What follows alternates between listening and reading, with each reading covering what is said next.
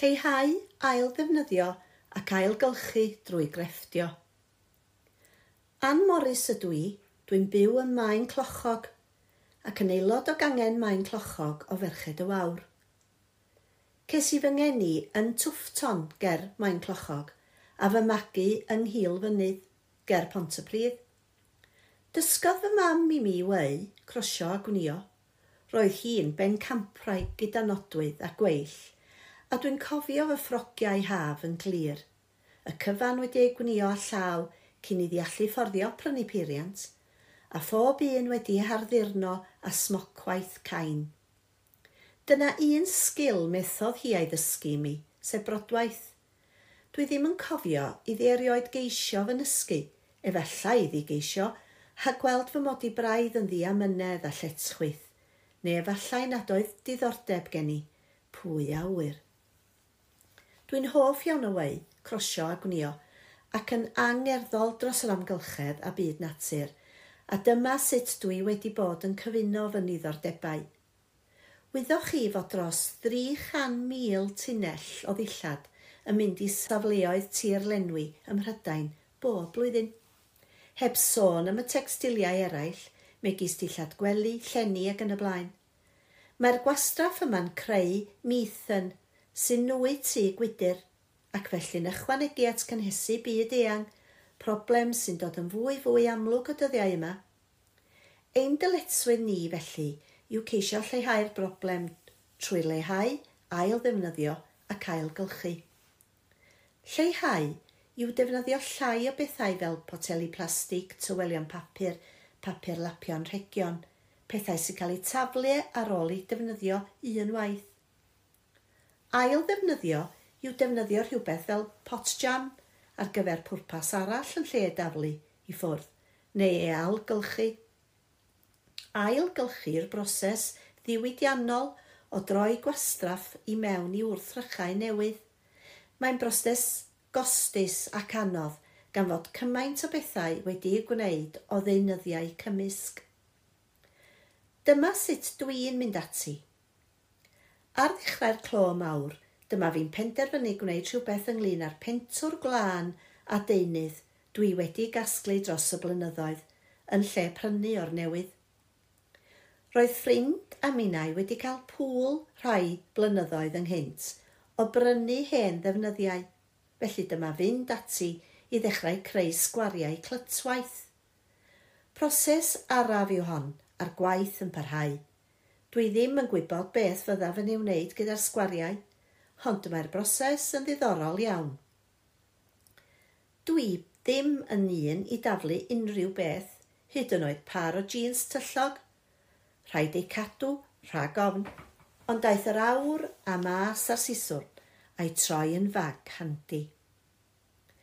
Roedd gen i nifer o brosiectau ar y gweill, a dyma'r cyfle i'w gorffen – cwilt clytswaith o ddeunydd caff facet, blanced wedi wei o wlan pyr. bron pob sgwar o batrwm gwahanol, a blanced wedi ei chrosio a dafedd gesi ar ôl ffrind a fi farw rhai blynyddoedd yn ôl. Mwyaf i gyd o brosiectau sy'n cael ei gorffen, mwyaf i gyd o ddarnau o ddefnydd a phelenni bach o wlân sydd ar ôl. Felly dyma ddechrau ei defnyddio.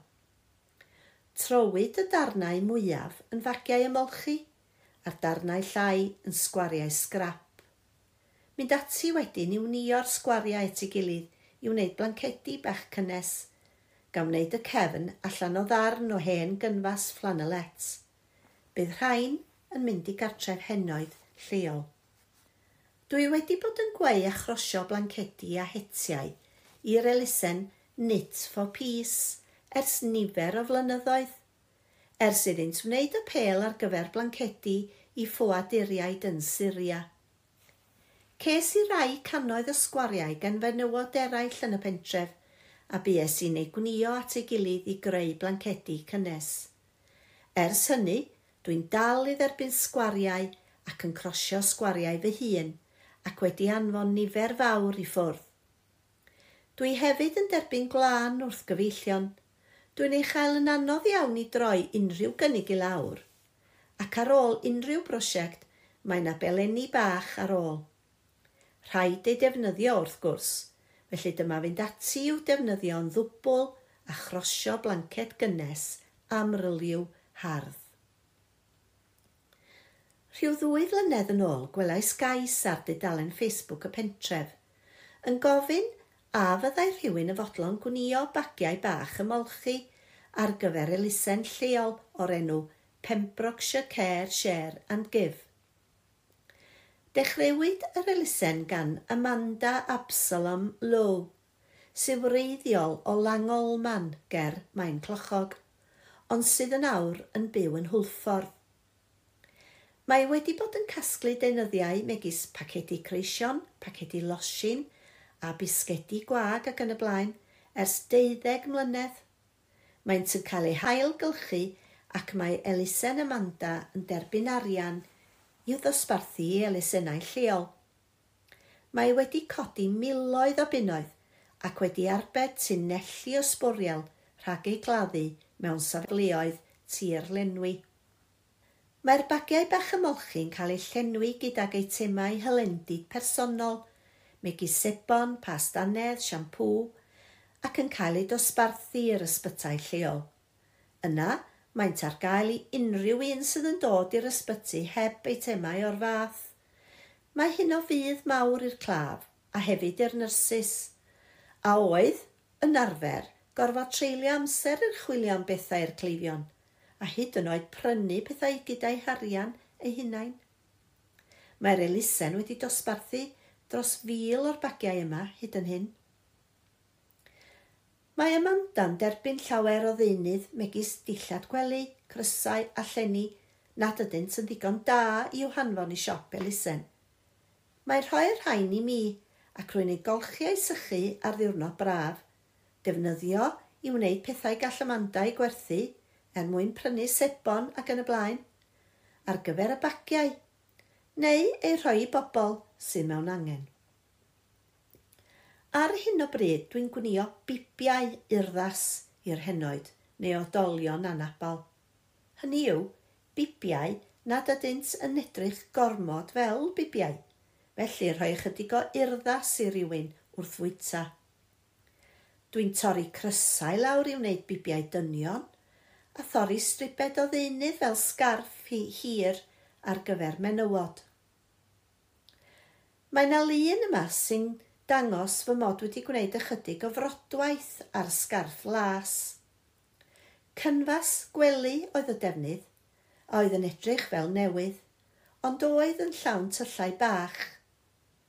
Y ffasiwn nawr mae'n debyg yw trwsio gweladwy, felly dyma mynd ati gyda'm sgil brodwaith am heis i lenwi'r tyllau bach. Dwi ddim yn siŵr beth fyddai fy mam yn ddweud, ond dwi'n weddol o hapus. Ar ôl torri'r llewis i ffwrdd wrth gwrs, rhaid ei defnyddio. Felly, beth am fag candi i ddal potel wyn yn lle prynu bag? Os ydy'r goler yn ddirain, yna rhaid ei dorri i ffwrdd a throi'r cris yn flwsen bert. Dwi hefyd yn defnyddio rhai o'r casus gobenyddion gorau sy'n dod oddi wrth Amanda i wneud bagiau dillad golch. Mae'n hwn ddefnyddiol iawn ar gyfer hongian yn stafell wely'r plant, neu i'w rhoi yn eich ces i ddal dillad brwnt ar eich gwyliau. Dwi'n siŵr eich bod yn cytuno â mi fod papur lapio a bagiau anrhegion, er yn brydferth, yn wastraffus iawn. Dwi'n teimlo'n euog wastad ar fore nadolig i weld y sbwriel i gyd. Cofiwch dwi'n dwlu ar y nadolig, y prynu a'r hoi, yr arddurno'r bwyto, y preseb a'r carolau a'r goeden. A beth am y calendar advent? Dyna beth yw bin llawn o sbwriel costus. Llynedd, dyma fi'n hel y darnau defnydd nadoligaidd i gyd at ei gilydd a chreu bagiau bach, a'i llanw a phethau bach defnyddiol – neu losin, a dyna ni. Byddan nhw ar gael am flynyddoedd a dim gwastraff.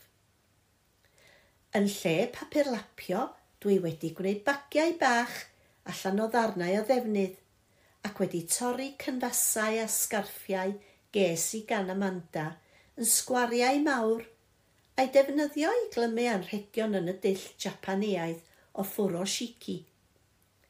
Dill traddodiadol yw hyn – ac yn ôl y traddodiad, mae'n debyg fod yr rhaid i'r un sy'n derbyn yr hodd rhoi'r defnydd yn ôl i'r rhoddwr fel i fod yn parhau am byth.